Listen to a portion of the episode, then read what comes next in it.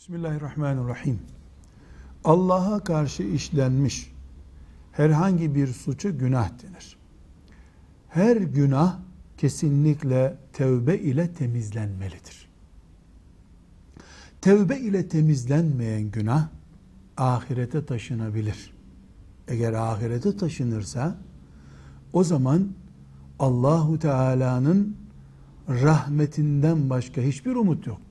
Her halükarda zaten o rahmettir umudumuz ama bir sebeple Allahu Teala mağfiret etmemesi halinde günah sahibi günahının karşılığında cehennemde yanacaktır.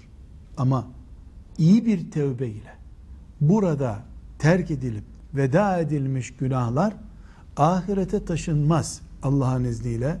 Dolayısıyla o zaman mümin az günahla veya hiç günahı olmadan Rabbinin huzuruna çıkar. Mağfiret ihtimali, cennet ihtimali çok daha yüksek olur. Mesela bir faiz, mesela bir zina, mesela bir anne baba ya asi olmak gibi günahtan ötürü tövbe etmeden bir Müslümanın ahirete gitmesiyle samimi bir tövbe edip ahirete gitmesi arasında hastalıktan kurtulup sokağa çıkmakla hastalık üzerindeyken sokağa çıkmak gibi büyük bir fark vardır. Peki tövbe nasıl yapılır? Bir, tövbenin en önemli şartı o günahı terk etmektir. Söz konusu günah mesela anneye babaya asi olmak, mesela büyü, sihir gibi işlere bulaşmak, mesela faiz ise bankada o hesap dururken tövbe ettim demenin hiçbir yararı yoktur. Günahla ilişki yüzde yüz bitirilir. Birinci şart gerçekleşmiş olur. İkinci şart Müslüman o suça pişman olmalıdır. Bu ne demek? Elinde fırsat olsa bile tekrar o günahı işlememe kararı taşımaktır. Yanlış da o yaptığım benim. Bankaya girmemeliydim. Anneme babama karşı o sözü söylememeliydim deyip pişman olmak gerekiyor. Tövbenin önemli şartıdır bu. O zaman öyleydi şimdi böyle tarzında tövbe yapılmaz. 2. 3. Müslüman eğer bir günaha bulaşmışsa ellerini açıp Allah'ım beni affet diye yalvarmalıdır. Bu üç şeyle tövbe gerekir.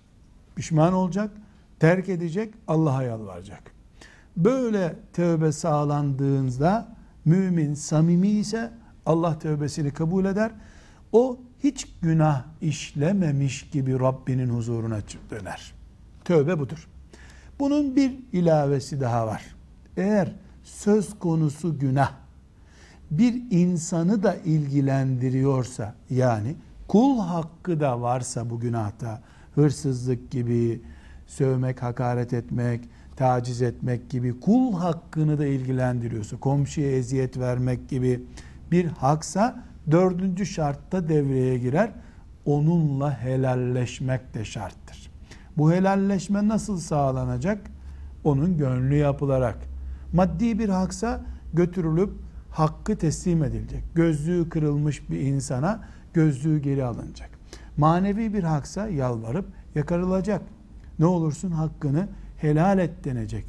Bunun dışında hac yapmak, sadakalar vermek, camiler yapmak bir Müslümanın kul hakkını helalleştirmez. Cami Allah için yapılıyor. Kurban Allah için kesiliyor. Ahmet'e Ayşe'ye olan borcu ödetmez bu. İlla gidilecek nasıl helallığı alınıyorsa helallık alınacak. Aksi takdirde tövbe yapılmış olsa bile o hak ahirete taşınır. Ahirette helalleşmek çok zor. Velhamdülillahi Rabbil Alemin.